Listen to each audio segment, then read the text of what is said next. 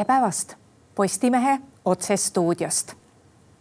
Venemaa korraldatud rände tõttu on nüüd suurenenud surve Soome piirile, nii et Soome pidi nädalavahetusel panema kinni neli piiripunkti. meil on stuudios siseminister Lauri Läänemets, tere päevast. tere päevast no Soomes on praegu olukord selline, et neli põhjapoolset või vabandust, just lõunapoolset piiripunkti on kinni pandud, seal on avatud ainult üks ja sellest pääsevad läbi ainult rongid ja kogu selline piiriliiklus on siis jäänud põhja poole. Ja seetõttu on arvatud ka, et kuna siin lõuna pool ei ole enam võimalik Soomes üle piiri tulla, et see võiks tekitada surve hoopis meie piirile, et kuidas meil praegu on no kõigepealt Soomest natukene, et äh, nad on ka teiste piiripunktide nii-öelda avatud oleku aegu muutnud, et need ei ole nii pikalt enam avatud, et äh, ei saaks seda võimalust seal ära kasutada. Ja Soomes äh, kui nagu numbritest rääkida ja üldse sellest, et eh, mis viitab peale, peale nende andmete, et, et me otseselt teame, et Vene siis ametivõimud eh, tegelevad selle asjaga, toovad neid inimesi ja saadavad ja lubavad läbi, kuigi neil pole alust üldse lubamiseks, läbi lubamiseks Euroopa Liidu poole, on ka numbrid, et kui muidu Soome siis nii-öelda neid migrantide arv seal oli kümme ja seitse ja niimoodi oktoobris oli kolmkümmend kaks, siis novembris tõusis, on ta tõusnud üle seitsmesaja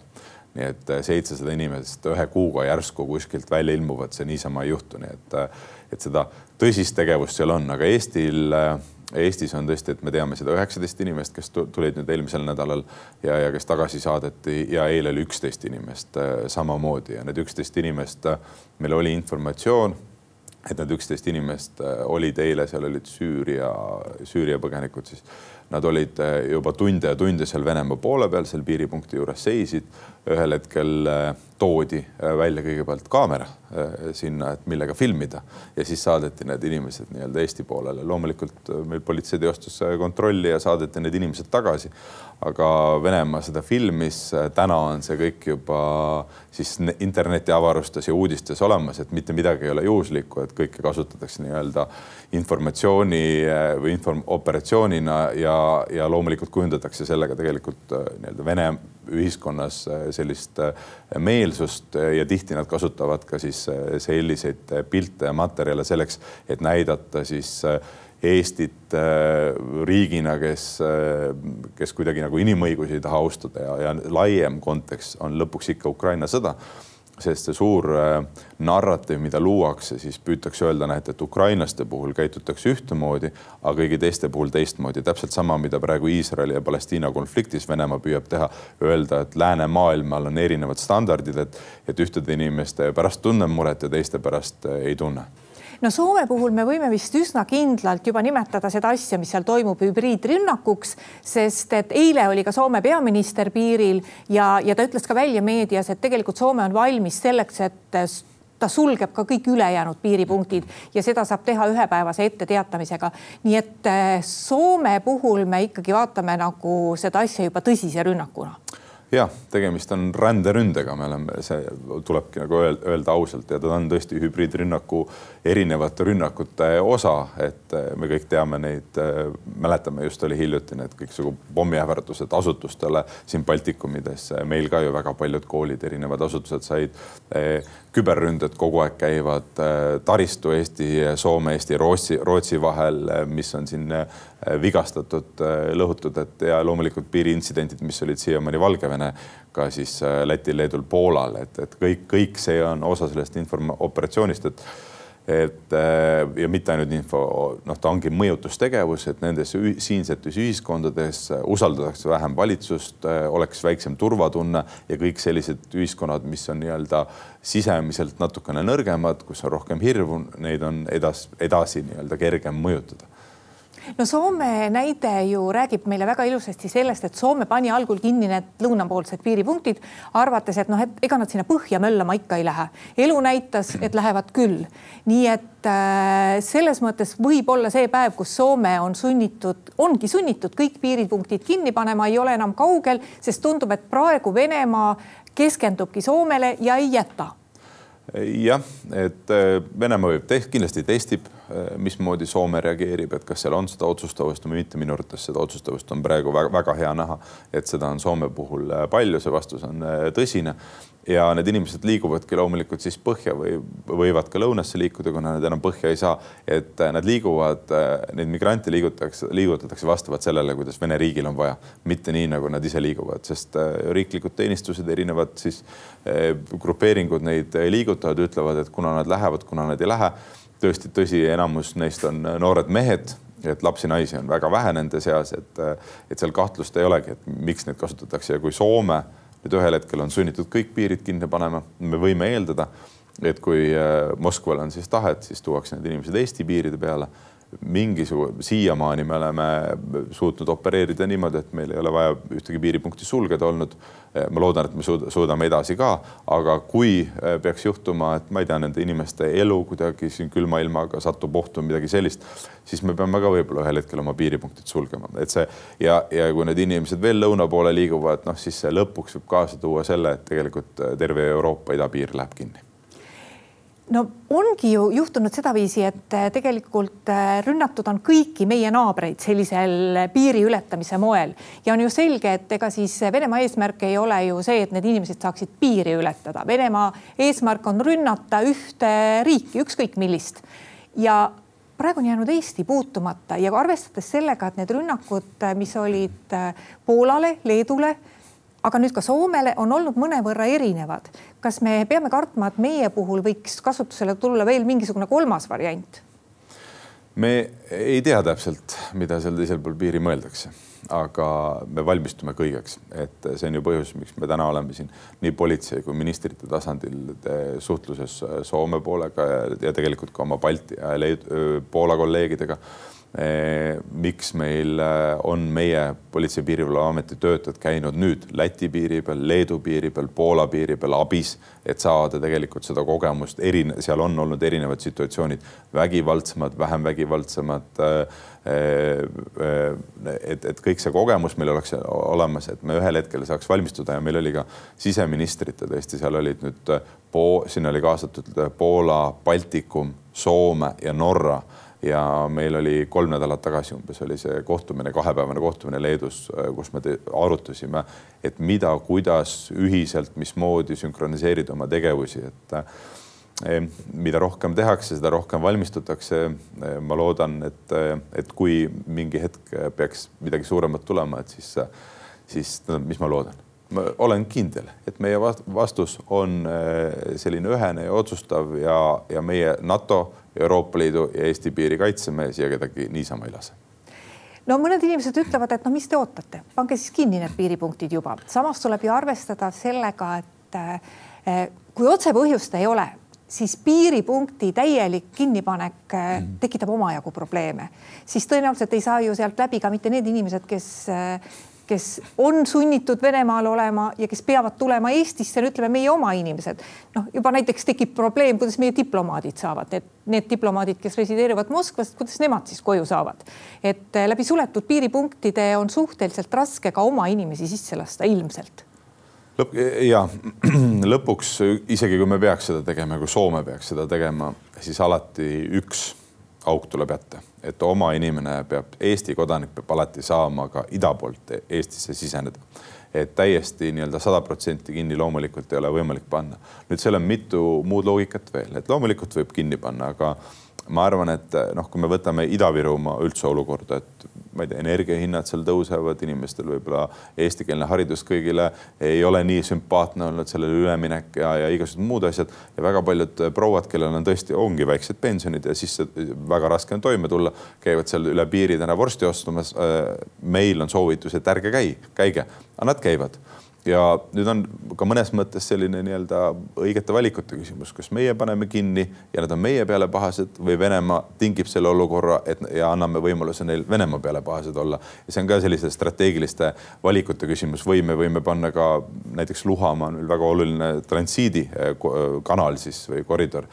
tee eurooplaste jaoks, et, et kas Eesti paneb selle ennetavalt kinni või siis reaktsioonina Venemaa tegevusele ja see omakorda aitab ju meil, meie liitlastel ja teistel Euroopa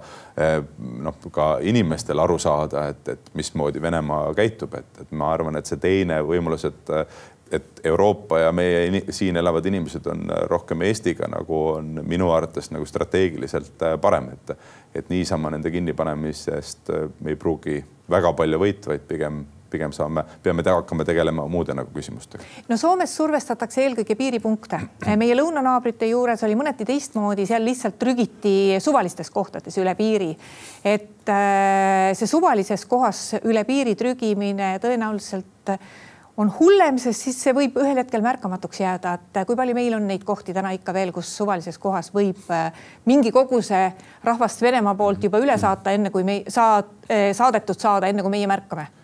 me äh, lõpuks me märkame ikka, et nüüd seesama Läti kogemus, et, et kus kohas ma seal piiri peal käisin vaatamas ka, kuidas Est-Pool kaheksa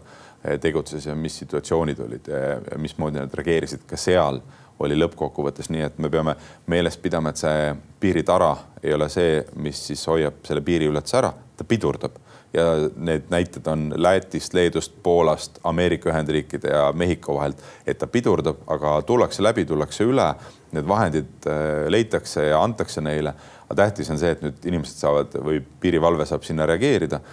ja lõppkokkuvõttes äh,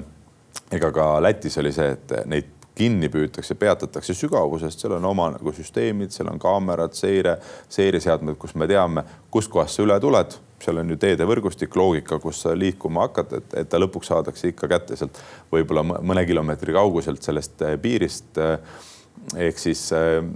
jah, seda me oleme käinud harjutamas, selleks me oleme valmis, nii et ma arvan, et ei piiripunkt ega ka see roheline piir ei ole see probleem, kuskohast nad üle peaks saama. ja, ja kui see tõesti peaks olema nii massiline, nagu ta lõuna pool on meie naabritel olnud, siis seal on ka kaitsevägi põhimõtteliselt abis olnud, et meil on selle jaoks Kaitseliit tegelikult, kellega on ka koostööd harjutatud selliste tegevuste jaoks ja, ja lõpuks on ka Päästeamet ja isegi kohtunikega on koostööd harjutatud. et kui seal tulevad rahvusvahelise kaitse taotlused, et, et siis neid kiiresti menetleda ja kohtunik läheb piiri peale ja me saame nad kohe nii-öelda selle piiri pealt äh, tagasi saata, kui vaja no kõige hullem olukord on jah, tõepoolest, et kui me leiame nad siit riigist seest, et kuhu me nad siis õigupoolest saadame, sest elu on ju näidanud, et ega Venemaa neid uuesti vastu ei võta ja aga loogika ongi see, et äh, me ei leia neid siit seest, et ehk siis, äh, ehk siis me teeme kõik, et äh, nad siia nagu sisse ei pääseks. et seni, seni on see õnnestunud. räägime ka natukene poliitikast ehk siis, et kuidas võimuliidu tervis on, et ma saan aru, et eelarve ei ole Riigikogu hääletuses veel, küll on ta rahanduskomisjonis, aga samal ajal nii sotsiaaldemokraadid kui Eesti kakssada on nüüd hakanud üsna tugevalt äh, Reformierakonda survestama, Eesti kakssada siis oma õpetajate palkadega ja teie olete küll olnud natuke tagasihoidlikum, aga päästjate palgad ei ole ju ka päevakorrast maas. et mis siis saab päästjate palkadest, et ka, kas ka teiepoolne surve tuleb oma koalitsioonipartneritele, et needki tuleb kuidagiviisi eelarvesse sisse panna või vähemalt mingi kinnitust saada, et nad kunagi tõusma hakkavad jälle? Ütleme niimoodi, et aus on öelda, et seadus ei luba seda järgmise aasta riigieelarvet muuta, et selles mõttes, kui me räägime, räägime ka kakskümmend viis, kakskümmend kuus, kakskümmend seitse palkadest ja tõesti, see periood ei ole mitte ainult täna, vaid kuni järg, järgmise eelarve tegemiseni ehk siis augustini on seda aega rääkida. Ja kui olid eh, eelarve, viimane eelarvestrateegia eelarve tegemine, siis me ka ütlesime, et ma ütlesin seda korduvalt avalikult ka ja, ja koalitsiooni laua taga, et meie näeme, et kakskümmend viis, kakskümmend kuus, seitse hakkavad palgad tõusma seda meelt me oleme täna koalitsioonis ka olnud, et oma positsioonilt äh, taganenud ei ole. ja eks me näe, kuidas jah, ma olen teavitanud, et päästjad, politseid, äh, politseinikud soovivad ka kakskümmend viis, kakskümmend kuus palgatõuse mismoodi me sel, selles arutelus edasi liigume, näeme veel. täna oli mul nendega ametiühingutega kohtumine, arutasime nii-öelda neid nägemusi, aga seal tuleb veel edasi arvutada, enne kui valitsus midagi sellest saab arutada ja otsustada. aga õpetajate palkade koha pealt, et kui kakskümmend neli, noh, ma, ma ütlen, et tuleb möönda, et, et seadus ei luba lihtsalt kahekümne, seda järgmise aasta eelarvet sellisena muuta. aga ma arvan, kakskümmend viis, kakskümmend kuus peavad need palgad tõusma, sest küsimus ei ole lihtsalt õpetajas, õpetaja töökoormuses, et küsimus on selles, et majanduse arengu alus on oskused, teadmised kui me neid ei anna, kui me nendesse ei panusta, siis meil majandusarengut ei ole. et, et selle kindluse ja selle sihi peab nagu valitsus ikka andma kuna õpetajad on praegu üsna streigivalmis ja teevad juba ka plaane, siis ja haridusminister tõenäoliselt järgmiseks aastaks, nii nagu te ütlesite, järgmise aasta eelarvest lisaraha ei saa, siis mis tal on siis ainukene võimalus, et kas lasta õpetajad streikima või siiski leida omadest ministeeriumi vahenditest midagi juurde? No kindlasti saab ka järgmise aasta eelarve osas, et on lõpuks läbirääkimiste kombinatsioon, et ka ma arvan, et järgmise aasta eelarves on seda paindlikkust. lihtsalt ma räägin, et selle saja kahekümneni nii suure sammuga ei hüppa järgmise aasta eelarves kahjuks, et, et seadus ei luba lihtsalt kogu seda tulude poolt eelarvel suurendada. et see on see piir ees, kui ta Riigikokku on äh, saadetud. Äh, ma arvan, et kõige tähtsam asi on see, et lõpuks me saame nii palju kokkuleppele, et ikka valitsus läheb, istub läbirääkimiste laua taha ametliku mandaadiga maha läbi haridus-teadusministri, tal ju täna seda valitsuse ametlikku mandaati ei ole ja siis on võimalik ka kokku leppida. ja kui me nagunii teame ette, et aastal kakskümmend viis, kakskümmend kuus, kakskümmend seitse kõik noogutavad kaasa, peaks need palgad tõusma, siis ma ei näe põhjust, miks me peame seda augustis rääkima, me võime ka ju seda praegu rääkida, et lõpuks me jõuame täpselt sama tulemuseni, lihtsalt, lihtsalt ma ei, ma ei tea, miks me peame selle siis nii-öelda tulevikku, tulevikku lükkama, kus nagunii on kiire ja keeruline. Ja see jutt, et et, et õpetaja palga tõstmine tähendab kindlasti maksu tõstmist. noh, ta ei ole niimoodi, et saab, seal on kombinatsiooni võimalusi väga erinevaid. Ja lõppkokkuvõttes mina ütlen niimoodi, et minu arvates OÜ-tamine mis tähendab, et meil on väga paljud inimesed, kes või ja, ja ka väga paljud inimesed, kes teenivad väga palju ei maksa tegelikult eriti üldse makse, et ma arvan, et sellele piiri peale panemine parandab näiteks maksulaekumist, annab õpetajate palkale juurde, teeb ühiskonna tugevamaks, teeb ettevõtluses konkurentsi ausamaks. ma arvan, et neid kohti on päris palju veel, kus kohas üldse ilma makse puudutamata saame selle õpetajate palga probleemi lahendatud no te kindlasti ka jälgite, mis toimub äh, koalitsioonipartnerite juures ja äh, Reformierakonna koha pealt, kui nüüd tõesti peaks minema niimoodi, et neil peaminister kevadel lahkub, et kas ülejäänud koalitsioonipartnerid on ka valmis siis selleks nii-öelda valitsuse tagasiastumiseks ja kogu selleks protseduuriks, mis sellele võib järgneda. et ma ei tea, kui palju te rohkem sellest kõigest teate, mis Reformierakond kevadel kavatseb teha, aga avalikkus ainult arvab ja ei, meile pole ka öeldud seda, et kas Reformierakond kavatseb, mida teha ja milline nende valimisprogramm seal Europarlamendi valimistel saab olema, et eh, me seda ei tea. ja kui Reformierakond otsustab eh, teha mingeid muudatusi või peaminister peaks otsustama, ma ei tea, nüüd kahe, kolme, nelja aasta pärast mingeid muudatusi te teha. et noh, tavaliselt need protsessid näevad tõesti välja, et siis eh, toimub see uuendamine, et me oleme valmis. ma jätkuvalt ütlen seda, et, et selles eh, valitsuses on kaks parempoolset erakonda, kes on Reformierakond ja Eesti kakssada ja sotsiaaldemokraadid on vasakpoolne erakond. meil on väga palju erinevaid nägemusi sotsiaalmajanduslikes küsimustes. me oleme väga nii-öelda maailmavaateliselt erinevates nurkades ja loomulikult me debateerime, loomulikult me ei ole nõus alati, see ei tähenda, et me kakleme, me ju valitsuse moodustasime, teades, et me suudame ka kokku leppida. ja, ja sotsiaaldemokraadid ka ütlesid, kui me sellesse valitsusse läksime, et meie ülesanne ongi olla siin tasakaalustaja rollis ja seda tasakaalu me oleme hoidnud ka. et äh, ma ei taha mõelda, äh, mõelda sellele, et kui meid ei oleks olnud selles valitsuses, siin oleks mõni teine parempoolne erakond olnud, et eh, ma arvan, et eh, siis oleks täpselt samamoodi mingeid maksumuudatusi teinud, aga me ei räägiks sellest, et tuleb ühistranspordireform on ju, me ei räägiks alampalga tõstmisest ja üldse sellistest teemadest. Eh, siiski, kui sõbralik see õhkkond seal laua taga on teil Ta,? tavaliselt on niimoodi, et välja paistab olukord palju hullem, kui ta päriselt on. et kui me võtame selle kõige kiiremini lahendamist vajava asja ehk siis tõepoolest selle, et õpetajad ei peaks hakkama streikima ja et haridusministril oleks ikkagi mingi seljatagune nendega rääkimiseks. et kas praegu on ka Reformierakond nagu seda meelt, et noh, et seda küsimust tuleks lahendada koos ja kuidagiviisi noh, tuleks hoida see streik siiski ära sõbral, tähendab, õhkkond on äh, kindlasti sõbralik, aga nõudlik. teineteise suhtes kõik partnerid on nõudlikud ja, ja ootused on suured. ja ma pean ütlema, et esmaspäevane koalitsiooninõukogu näitas seda, et Reformierakond tõesti selle, selle oodatud sammu tegi, et mõtles kaasa, et kuskohast nii-öelda seda lahendust võiks tulla, see haridusminister, rahandusminister pidid omavahel edasi suhtlema, no ma ei tea, kas, kas see see nii-öelda mõte siis teostatav on, millest me seal rääkisime, võib-olla mitte. ma olen siiamaani haridusministrist niimoodi aru saanud, aga vaatame, ma täpselt ka kogu seda Haridus-Teadusministeeriumi eelarvet ja, ja võimalusi ei tea, aga ma arvan, et see on oluline märk, et, et seekord me mõtlesime, et mõtlesime nii-öelda jälle proovisime nagu sammu edasi leida, et ma ütlen niimoodi, et, et lähme rahulikult, et mina usun, et õpetajate palgad tõusevad see on sotsiaaldemokraatide jaoks nagu oluline, see on loogika, on ju. see, see on nii-öelda see loogika, millest me lähtume, et kui hinnad on läinud kõrgeks, inflatsioon on läinud kõrgeks, siis hindu me odavamaks enam ei tee, et palgad peavad tõusma ja mitte ainult õpetajatel, kõigil, kes on riigitööl ja kõigil, kes on ka erasektoris, ehk siis ja see, me peame mõistma, et see inimene, kes täna mõnes ettevõttes ka töötab, ega tema palgatõus sõltub ka äh, pikas perspektiivis ja õpetaja, õpetajast ja sellest, kui häid äh, nii-öelda, kui head haridust ja kui häid oskuseid inimestele antakse, sealt tuleb see majanduskasv ka. aitäh, Lauri Läänemets tulemast Postimehe stuudiosse. aitäh. ja aitäh ka kõigile neile, kes meid vaatasid. Postimehe järgmine otsesaade on nüüd eetris juba homme. seniks lugege uudiseid postimees.ee. thank you